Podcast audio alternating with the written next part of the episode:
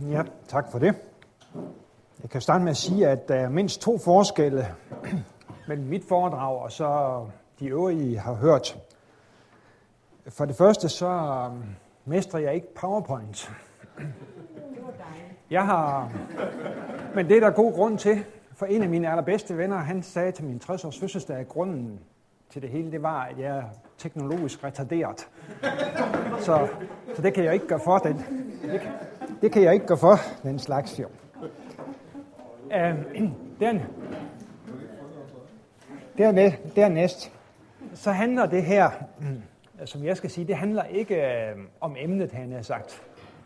Det, det handler ikke om retfærdiggørelsen og uh, uh, af tro eller ved lovgærningen, og sådan set ikke om, uh, om forholdet mellem uh, Paulus og Moses. Uh, det handler om den etiske refleksion af tolkningen af GT's lov i nutidig etisk refleksion. Og så vil jeg også sige, at det har mere deskriptivt end normativ karakter. Altså, jeg vil beskrive i høj grad, øh, hvordan øh, man tænker om den gamle testamentlige lov øh, i øh, nutidig etisk tænkning. Øh, og så kun sådan til allersidst og lidt i forbifarten et par gange komme med min egen kommentar til det. Men vi kan starte med at... Jo, det vil fint. Tak. Når jeg nu har lavet, så, så langt er jeg kommet i udviklingen, trods alt. ja, øh, vi kan starte med at rejse spørgsmålet om... Øh, der er, ja, der er to sider til hver. Ja, om tolkningen af GT's lov, om det overhovedet er en aktuel problemstilling. Øh, går vi sådan tilbage i historien, så er der ingen tvivl om, at, øh, den gamle testamentlige lov har haft en, en ret fremtrædende plads i uh, uh, etisk tænkning, i, uh, i etiske lærebøger osv. Øh, og det gælder der ikke mindst, hvis man øh, fokuserer på det, som normalt betragtes som centrum i det gamle testamente, øh, gamle testamentets etik, nemlig de ti bud, dekalogen. Vi kan bare henvise til dekalogens plads i Luthers to katekismer. Men den her fremtrædende plads, som øh, den gamle testamentlige lov har haft i øh, teologisk etik, Øh, den er ikke længere uanfægtet øh, i, i vores tid. Så det første spørgsmål, som møder os i forbindelse med nutidige teologiske etikers refleksion om den gamle testamentlige lov, er efter mit skøn ikke, hvordan vi skal tolke den gamle testamentlige lov, men om vi overhovedet kan bruge den. Den her usikkerhed kan have flere årsager, og jeg vil skitsere nogle stykker af dem. Den kan selvfølgelig skyldes at, not, at nutidige teologiske etikere i det hele taget stiller sig skeptisk til at inddrage det gamle testamente i det etiske arbejde. Eller man kan gå skridtet videre og stille sig skeptisk spørgende til, om Bibelen i det hele taget skal have en særlig central plads i øh, teologisk etik, eller om det ikke var bedre at fundere den etiske tænkning i en naturlig lov, eller i en almen teologisk refleksion. En almen menneskelig etisk refleksion. Det kan være grunden til, at øh, det kan forekomme øh, problematisk. De her grunde kan være grundene til, at det kan forekomme problematisk med at anvende øh, den gamle testamentlige lov øh, i en nutidig etisk tænkning. Men det behøver ikke at være af de her grunde. Øh, Ivar Asheim, der i en årrække var professor i etik ved menighedsfakultetet i Oslo, han har i høj grad sans for den teologiske etiks bibelske forankring. Han skriver i en bog fra midt i 80'erne følgende, at kristen etik må som helhed bygge på et kristen grundlag, Det vil sige, at den må hente sine normer fra den hellige skrift og bare herfra. Det reformatoriske princip, skriften alene, må gælde for etikken lige så vel som for dogmatikken. Tanken om et sammensat normgrundlag, hvor normerne hentes dels fra skriften, dels fra menneskelige kilder, er uholdbar. Så sandt man vil fastholde, at den hellige skrift er højeste autoritet for lærer som for liv. Men normerne angår, må kristen etik i den forstand være eksklusivt kristen.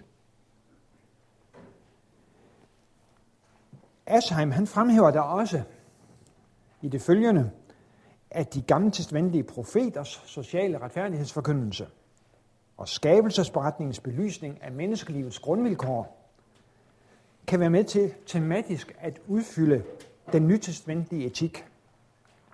Og hermed mener han givetvis, at de her dele af det gamle testamentlige stof bør udgøre væsentlige bestanddele af en nutidig teologisk etiks basis. Men samtidig så lægger han stor vægt på, at det gamle testamente generelt må læses i lyset af det nye testamente. Og i det lys, så bliver det uafklaret, hvad vi egentlig kan bruge den gamle testamentlige lov til. Det indtryk, som står tilbage, når man læser Asheim, det er, at ifølge ham så findes det afgørende i loven meget klart udtrykt i Jesu etiske forkyndelse og i det nye testamente generelt, ind i den gamle testamentlige lov.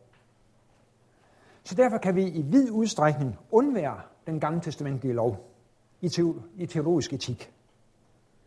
Spørgsmålet om, hvordan vi skal tolke den gamle testamentlige lov, bliver derfor aldrig for alvor aktuel.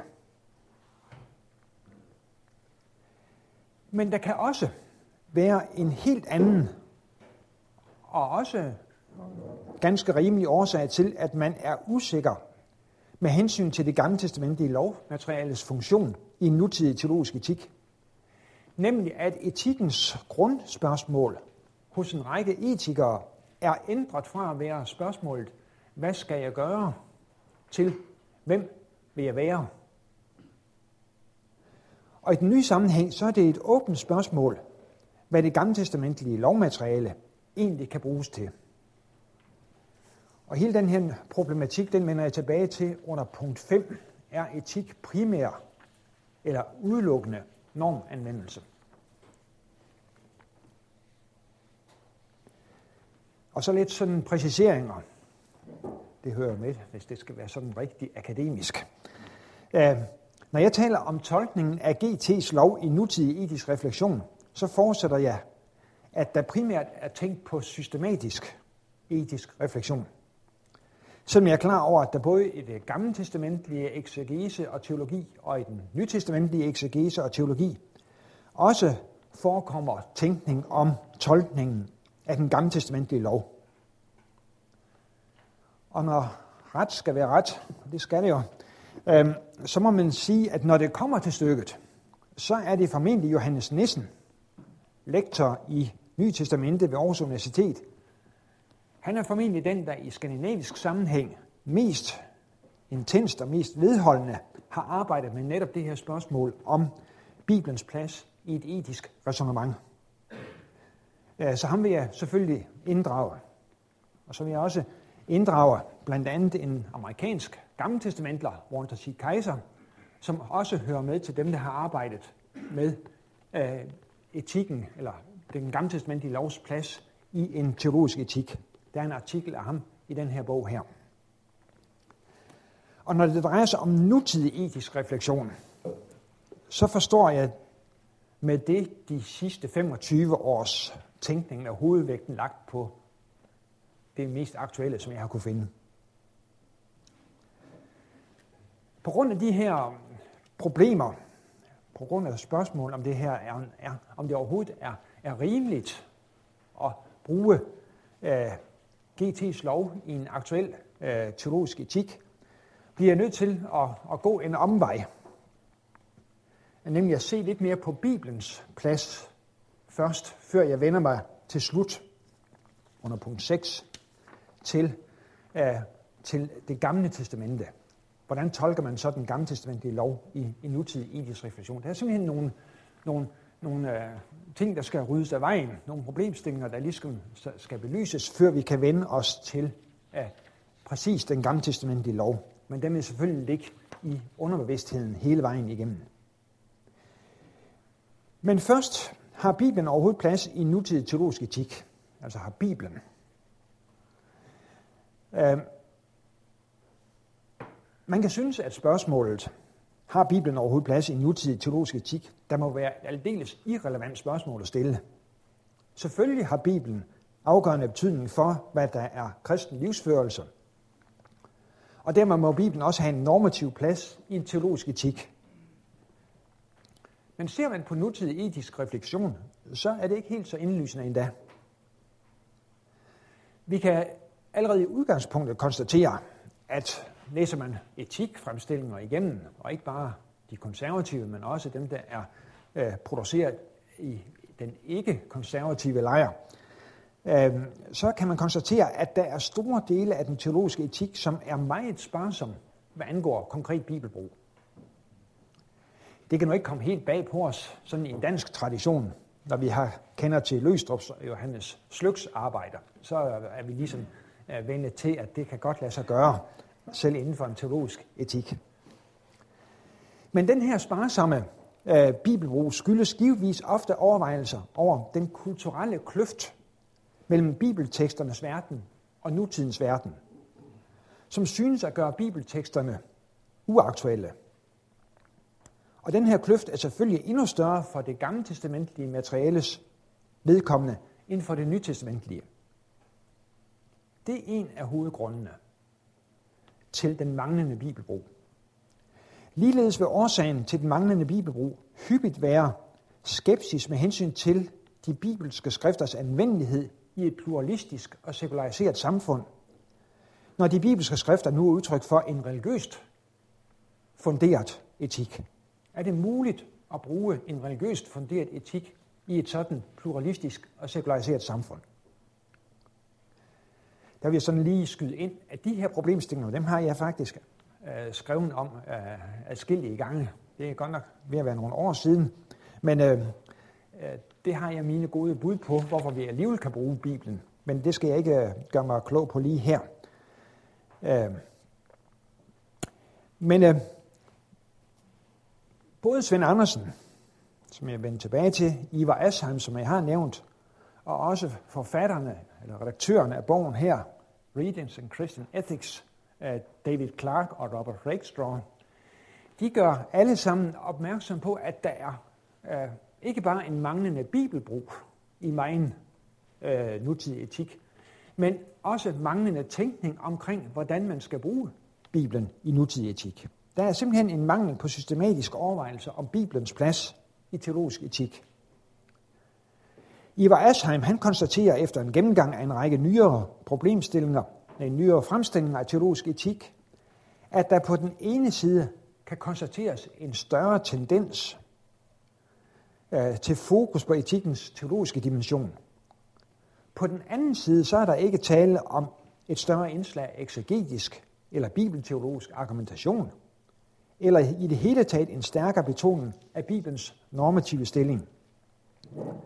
Bibelen er naturligvis til stede hele vejen i de teologiske refleksioner, men uden at dens betydning bliver specielt fokuseret og gennemdrøftet. Videnskabsmetodisk reflekteret bibelanvendelse findes bare undtagelsesvis, hævder Asheim. Og i den praktiske brug af tekster og bibelhenvisninger er det ifølge Asheim gennemgående uklart, hvilken status og funktion de egentlig har. Og ser man nærmere efter, så afslører en række nyere etikfremstillinger, skrevet af teologer uden for den konservative lejr, at man har vanskeligt ved at tilkende Bibelen nogen afgørende etisk autoritet. En indflydelsesrig amerikansk protestantisk etiker, James Gustafson, han siger klart, at han ikke kan tillægge Bibelen den autoritet, som den traditionelt har haft. En kendt tysker, Martin Honecker, gør i praksis udstrakt brug af bibelstof, men tager samtidig direkte afstand fra tanken om Bibelen som norm for etikken. Skriften er ifølge Honegger et kald til tro, det vil sige primært evangelium. Og det nye testamente indeholder alligevel, det indrømmer han så, som den første skildring af kristent liv og vidnesbyrd om og modeller at leve tro, som vil være af betydning for etik. Også Trutz Rentorf, som også er en indflydelsesrig tysk etiker, hævder, at den teologiske etik må have en selvstændig status, både i forhold til dogmatikken og i forhold til den nytestamentlige eksegese. At det første tilfælde, det kan man måske leve med, men at den også skal have det i forhold til den nytestamentlige eksegese, det er også det er bemærkelsesværdigt. Også Svend Andersen, min gode kollega på, over på den anden side af vejen, han giver som nævnt udtryk for, at han savner systematiske overvejelser over Bibelens plads i nutidig etik. Øhm, jeg mailte til ham her for en uges tid siden, godt og vel, og spurgte, om han havde skrevet mere om, om forholden, om brugen af, af, af bibelstof i etikken, end det, der står i hans lærebog. Og så henviste han til en artikel, der er kommet i år 2000 i en bog, som er redigeret af Sifra Pedersen, som hedder Bibelsk Teologi. Og her har han faktisk øh, nogle overvejelser, Svend Andersen, øh, om øh, hvordan Bibelen kan være normativ i etikken. Og det vil jeg referere lidt fra. Øh, han giver som sagt udtryk for, at han savner systematiske overvejelser over Bibelens plads i nutidig etik, og hans eget bidrag, det er så det, vi møder her. Og i den artikel, der rejser han indledningsvis spørgsmålet, kan Bibelen tilkendes etisk normativitet? På et tidspunkt i fremstillingen, så når han frem til en karakteristik af den såkaldt konservative opfattelse af forholdet mellem Bibel og etik, som han også betegner som traditionalistisk eller som divine command theory. Kristen etik går ud på, siger han her, at begrunde handlingers rigtighed under henvisning til, at de falder ind under normer, som er formuleret i Bibelen. Og at de i Bibelen formulerede normer er gyldige, fordi de er udtryk for Guds vilje. Og det er jo da en, en, en, en rimelig beskrivelse af øh, det konservative syn på, på, på forholdet mellem Bibel og etik. Altså at kristen etik går ud på at begrunde handlingers rigtighed under henvisning til, at de falder ind under normer, som er formuleret i Bibelen. Og at de i Bibelen formulerede normer er gyldige, fordi de er udtryk for Guds vilje. Men den her forståelse, den her opfattelse, den afviser han så af flere grunde.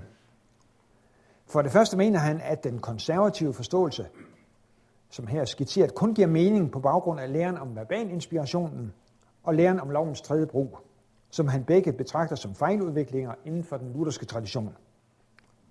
For det andet så mener han ikke, at den kristne etik primært kan betragtes som normanvendelse. At den konservative forståelse af forholdet mellem Bibel og etik skulle hvile på verbal inspirationslæren og lovens tredje brug, vil jeg så i øvrigt stille mig lidt spørgende til, i og med, at jeg i store træk deler den opfattelse af forholdet mellem Bibel og etik, som han her karakteriserer som den konservative, men ikke går ind for verbal inspirationslæren eller læren om lovens tredje brug.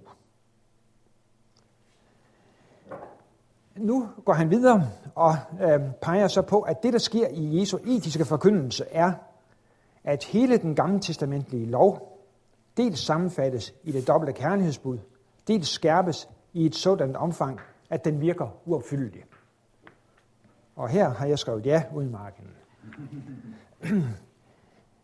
Svend Andersen han har så nogle kritiske bemærkninger til Løstrup, og en gennemgang af Luther, hvor han i øvrigt ikke tager Luthers behandling af dekalogen i den store katekismus alvorligt. Og så slutter han med at ville rekonstruere en luthersk etik som bibelsk etik. Øhm, og her i den forbindelse, der hævder han, at de bibelske tekster er normative, hvis de har Kristus som anlæggende og lokker næstekærligheden frem. Det er altså hans uh, bud på det normative uh, i de bibelske skrifter. Uh, de er altså normative, hvis de har Kristus som anlæggende og lokker næstekærligheden frem. Lidt senere så nævner han, at øh, nævner han som afslutning, at de bibelske tekster er etisk gyldige i den forstand, at de er det sprog, der tilskynder mennesket til at være til for et andet menneske, eller bedre, for andre væsener. Altså de, de to øh, bud, han giver på, eller de to formuleringer af den etiske normativitet i de bibelske skrifter, altså at de er normative, hvis de har Kristus som anlæggende og lokker næstekærligheden frem, og de er gyldige, etisk gyldige i den forstand, at de er det sprog, der tilskynder et menneske til at være til for et andet menneske, eller bedre, andre væsener.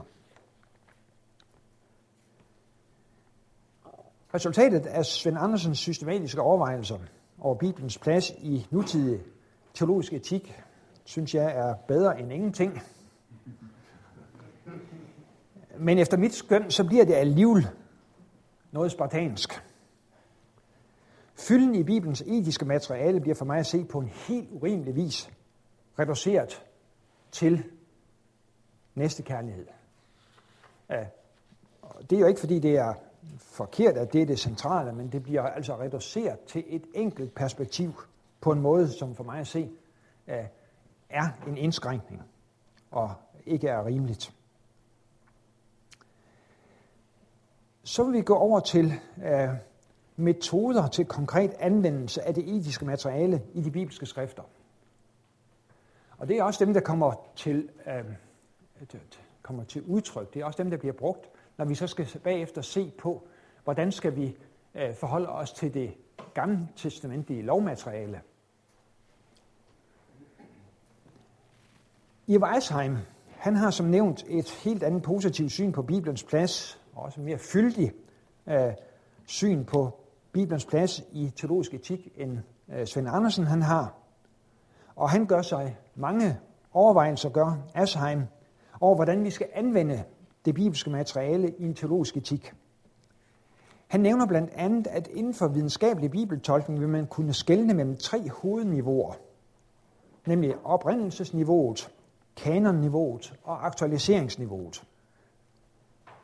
På oprindelsesniveauet, der vil man spørge efter, hvordan en tekst blev til, hvilken intention den var udtryk for, hvilket meningsindhold den havde i samtidens situation. På kanonniveauet er der tale om hele Bibelen som tekst, om de forskellige tekstenheders placering inden for denne ramme. Og her aktualiseres spørgsmålet om muligheden for en helt bibelsk teologi, og om tolken er større eller mindre tekstenheder i lyset af helheden. Og på det tredje niveau, på aktualiseringsniveauet, er der tale om Bibelen som normativ tekst i vores tid. Og spørgsmål, af, spørgsmål om, hvordan den er det, og hvad den vil sige ind i vores tids problemstillinger. Det anvender han nu øh, på Moseloven. Øh, han siger, når Moseloven tolkes på kanonniveau, så filtreres den gennem den nytestamentlige etik.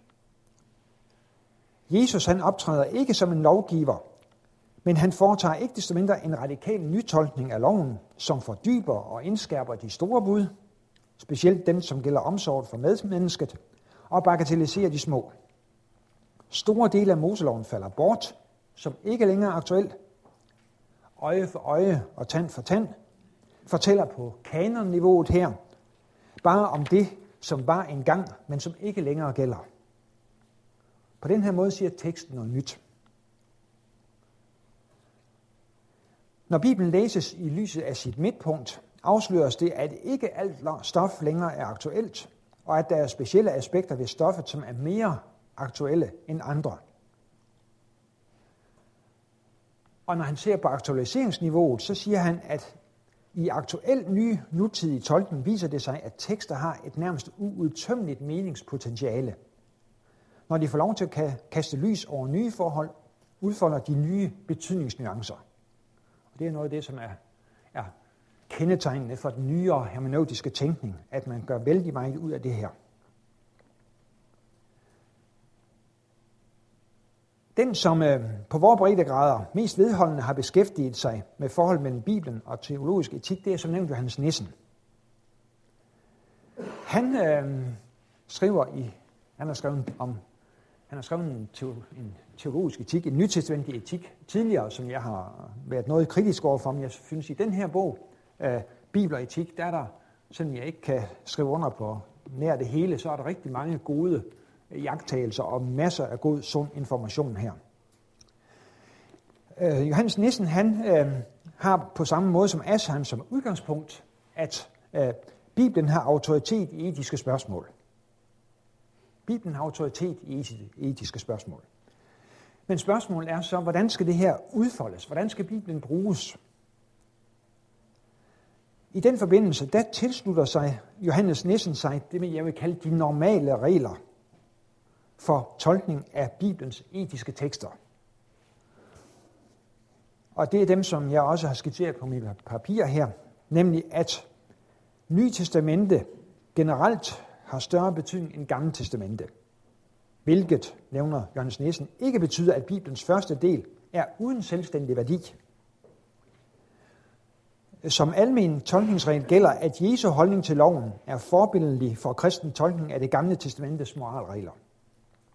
Og som nummer to siger han, at Jesu forkyndelse af Guds riget og hans etiske undervisning har højere prioritet end alt andet stof i Bibelen. Og så som nummer 3, punkt 3, formaningerne i det nye testamentlige breve er eksempler på, hvilke konsekvenser ledende teologer i den ældste kirke drog af Jesu forkyndelse og etiske undervisning. Formaningerne har i mindre tid ikke samme status som Jesu egen undervisning. Det indebærer ikke, at de er uden betydning for kristen etik, blot kan de ikke betragtes som absolut forpligtende. Her vil jeg nok have formuleret mig lidt anderledes, hvis jeg skulle have skrevet det. Johannes øh, Nissen han vedgår i det følgende, at han i sin behandling af de konkrete etiske emneområder kun i begrænset omfang inddrager tekster fra det gamle testamente, hvilket primært skyldes de nævnte fortolkningsregler. Og det er for mig at se ret øh, repræsentativt, nemlig at den teologiske etik i behandlingen af de konkrete etiske emner kun i ganske begrænset omfang inddrager stof fra det gamle testamente.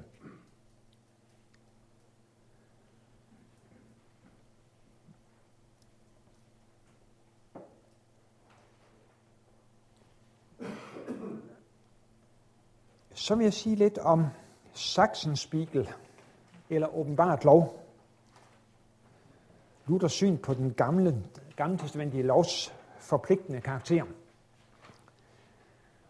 Og det er fordi, da jeg sad og læste de her forskellige fremstillinger af etik, så slog det mig, hvordan øh, det, uden altid at blive øh, sagt øh, sådan helt åbent, at det formentlig i høj grad var Luthers syn på Moseloven, Øh, som øh, i hvert fald øh, i luthersk og nordeuropæisk sammenhæng ligger i, i, i bunden af meget af den etiske tænkning om, om hvordan vi skal benytte øh, Moses og, og det gamle testamentlige øh, lovmateriale i, i, en, i en nutidig teologisk etik. Det er tydeligt hos Asheim. Det er også relativt tydeligt hos Svend Andersen og også Johannes Nissen. Og jeg har også selv en, øh, en, en, en, en græn af, af, af den her tænkning øh, i mig. Så selvom Luther han på ingen måde kan sige sig at høre hjemme under overskriften nutidig etisk refleksion, så vil jeg alligevel mene, at det vil være relevant at bruge et par minutter på lige at rise øh, grundtrækken i Luthers holdning op. Og de er øh, som følger, at skønt Luther i andre sammenhænge kan udtale sig positivt og stærkt om det gamle testamente, så er hans forståelse af Moselovens etisk forpligtende karakter ganske radikal. Moseloven, inklusiv de ti bud, gælder principielt kun for jøderne, ikke for os. Kun hvor et lovbud stemmer overens med den naturlige lov og det nye testamente, har det forpligtende gyldighed for os. Det betyder konkret, at de ti bud, og måske kun de ti bud, og kun stort set og kun ret forstået, har etisk forpligtende karakter for kristne i dag. Det vil jeg udfolde lidt nærmere. Luthers mest principielle redegørelse for den gammeltestamentlige lovs betydning for en kristen etik finder vi i skriftet om den kristnes forhold til Moselov fra 1525 26. Luther giver i det her skrift udtryk for, at indtil de Moseloven, end ikke de ti bud i sig selv angår os. Kun det, som stemmer overens med Nye Testamente og den naturlige lov, kan siges at være forpligtende for de kristne. Man må derfor spørge, hvad i Moseloven kan så opfylde de her kriterier? Hvad angår Moseloven og den naturlige lov, så mener Luther som nævnt, at Moseloven, inklusiv de ti bud, ikke gælder for kristne. Ikke så meget som et punktum hos Moses angår os, siger han.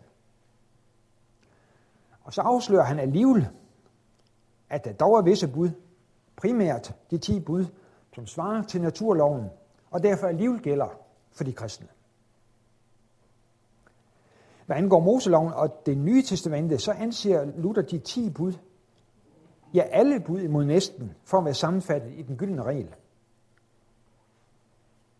Og dermed åbnes der en dør på klem for, at også andre af Moselovens bud, end lige netop de ti bud, kan være etisk forpligtende.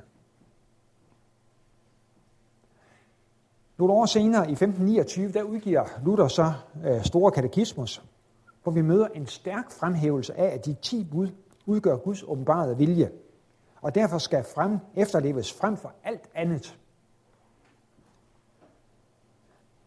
Og samtidig har vi også i Store Katekismus en påpegning af, at det ikke desto mindre, at der i det ikke desto mindre i de ti bud findes elementer, som ikke angår os i dag. Når det drejer sig om Luthers forhold til loven her, og synet på loven, så skal også nævnes, at Luther altså øh, så igen nogle år senere, i 1537 følgende, Øh, havde en strid mod antinomernes specielle form for lovløshed. Alt i alt, så bliver det i første række den ret forståede dekalog, som ifølge Luther er etisk forpligtende. Øh, det etisk forpligtende af det gamle testamente. Og når han, når han taler om den ret forståede, eller når jeg bruger det udtryk, så er det fordi, der dermed sigtes til, at billedforbuddet og sabbatsbuddet ifølge Luther er ophævet efter deres ordlyd. Og desuden så tolker Luther de øvrige dekalogbud ganske kreativt. Og endelig taler han om, at de kristne kan opstille nye dekaloger, som er bedre end dem, som vi finder hos Moses. Så det her ganske radikale syn på den gamle testamentlige lov ligger for mig at se i baggrunden for mig af den etiske refleksion om den gamle testamentlige lovs betydning og tolkning, som vi møder på vores breddegrader.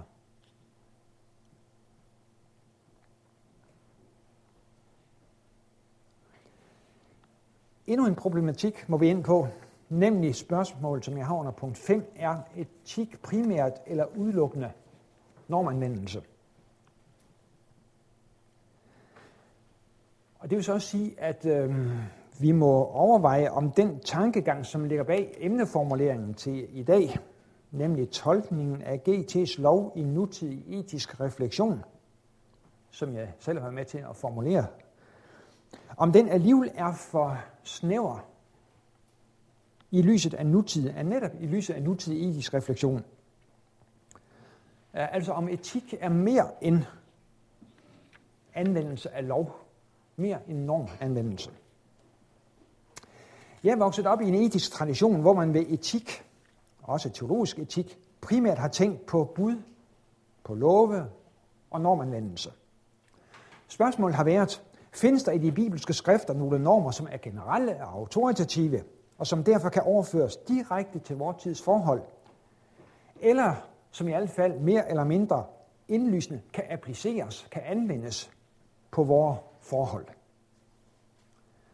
Og traditionelt, der har man ikke mindst peget på netop det dobbelte kærlighedsbud, den gyldne regel, og på budene på dekalogens anden tavle. Det er det, man sådan stort set, og i hvert fald primært, har forstået ved etik. Men i 1994, øh, i forbindelse med, at jeg var i Oslo for at hente beviset på, at jeg var blevet doktor til Ol, så købte jeg en netop publiceret etiklærebog, forfattet af førnævnte Ivar Asheim der havde den besynderlige titel Mere end normer. Og her hævder Asheim, at det at tolke livsvirkeligheden i bibelsk lys, og det betragter han som den teologiske etiks opgave, det er et langt mere omfattende projekt, end at finde en norm eller et sæt af normer i Bibelen, og lægge dem til grund for drøftelse af aktuelle etiske problemstillinger. Og dermed lægger Asheim, så vidt jeg kan se, også i en vis udstrækning afstand til den måde at gå til Bibelens etiske tekster på, som han selv 10 år tidligere gav udtryk for i den bog, som jeg startede med at, at, at citere fra. Dette markerer, at der i løbet af de sidste årtier i det internationale etiske miljø er sket en vis ny udvikling. En udvikling, som ikke mindst er knyttet til Alistair McIntyres nyformuleringen af den aristoteliske dydsetik i bogen After Virtue. Den har jeg nu glemt at få med hernede, men øh, den er også i huset. Øh, som udkom første gang i 1981. Efter McIntyres opfattelse drejer etik sig ikke primært om at finde universelle normer, men om dyd, om fællesskab, om tradition, om fortælling, om narrativitet. Og skønt McIntyre han ikke er teolog, men filosof, så er han en katolsk af slagsen. Og han, hans tænkning har haft stor indflydelse på teologisk etik, og er blandt andet taget op af den amerikanske øh, etiker Stanley Hauerwas. Tilslutter man sig nu den her udvidelse af e, etikkens område, eller ændring af etikkens fokusfelt, som McIntyre og Hauerwas, og til dels også Asheim gør sig til talsmand for, så får det selvfølgelig konsekvenser for den etiske anvendelse af det bibelske materiale som helhed. Og Clark og Rakestraw, de prøver at sammenfatte udviklingen gennem de sidste årtier – derhen, at den preskriptive, altså den mere normative brug af Bibelen, har fået mindre legitimitet, mens der er kommet en tiltagende vægt på det bibelske stofs deskriptive karakter.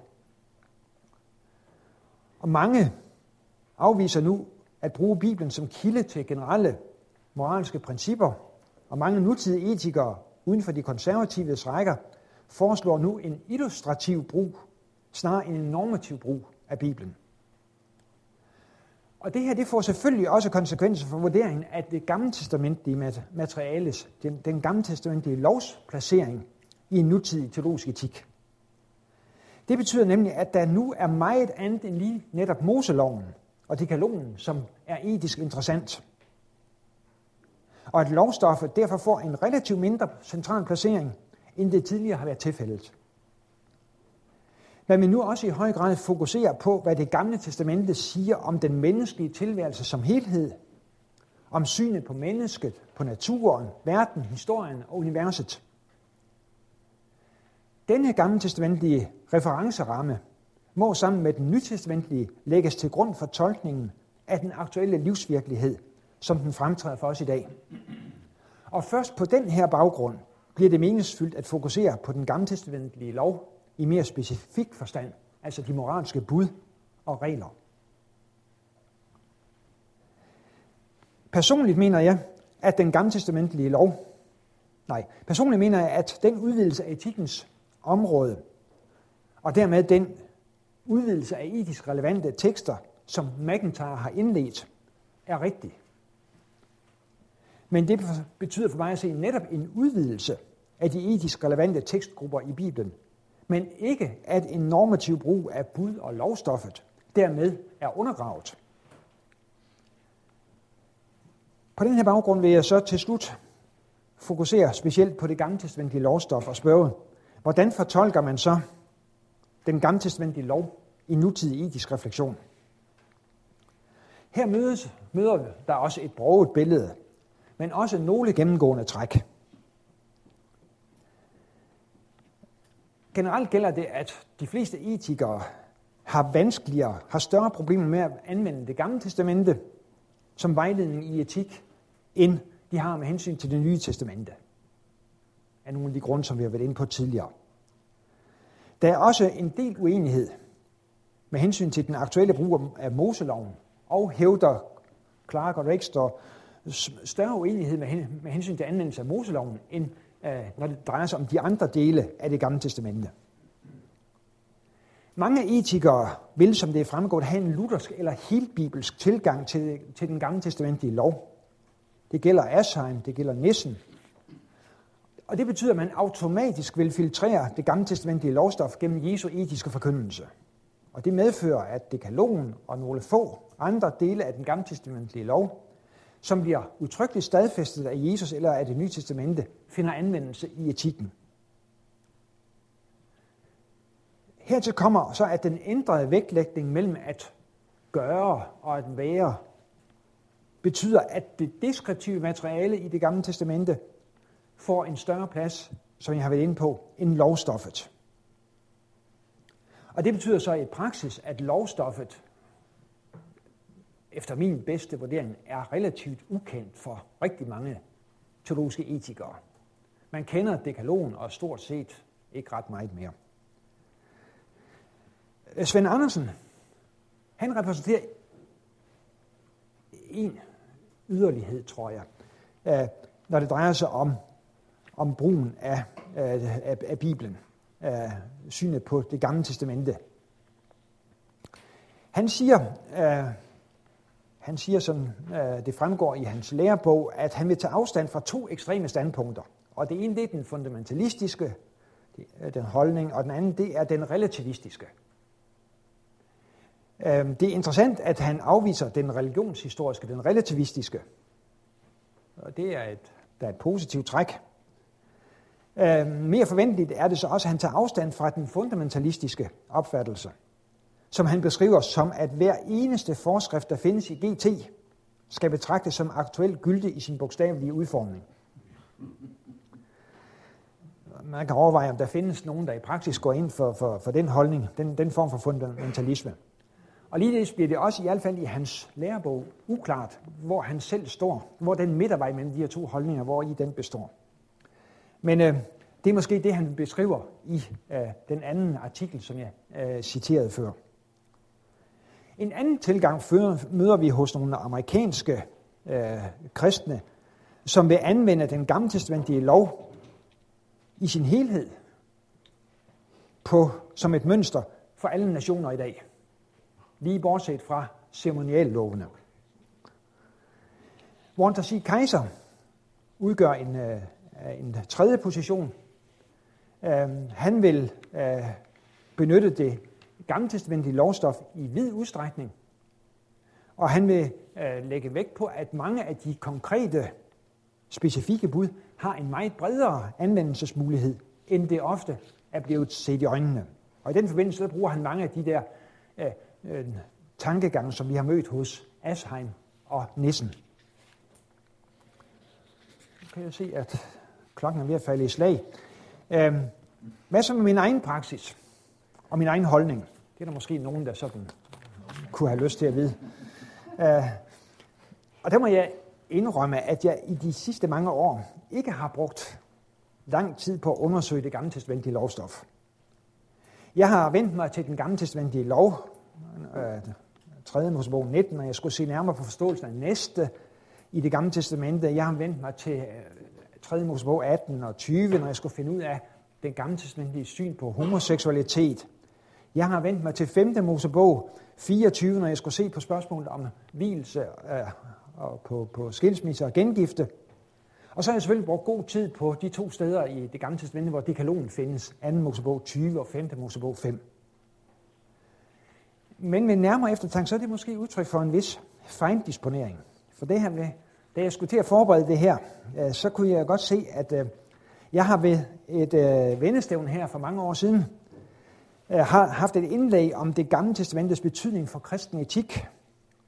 Og der gav jeg udtryk for en principiel holdning, som jeg egentlig stadigvæk står ved, men som jeg ikke har levet helt op til, kan jeg se.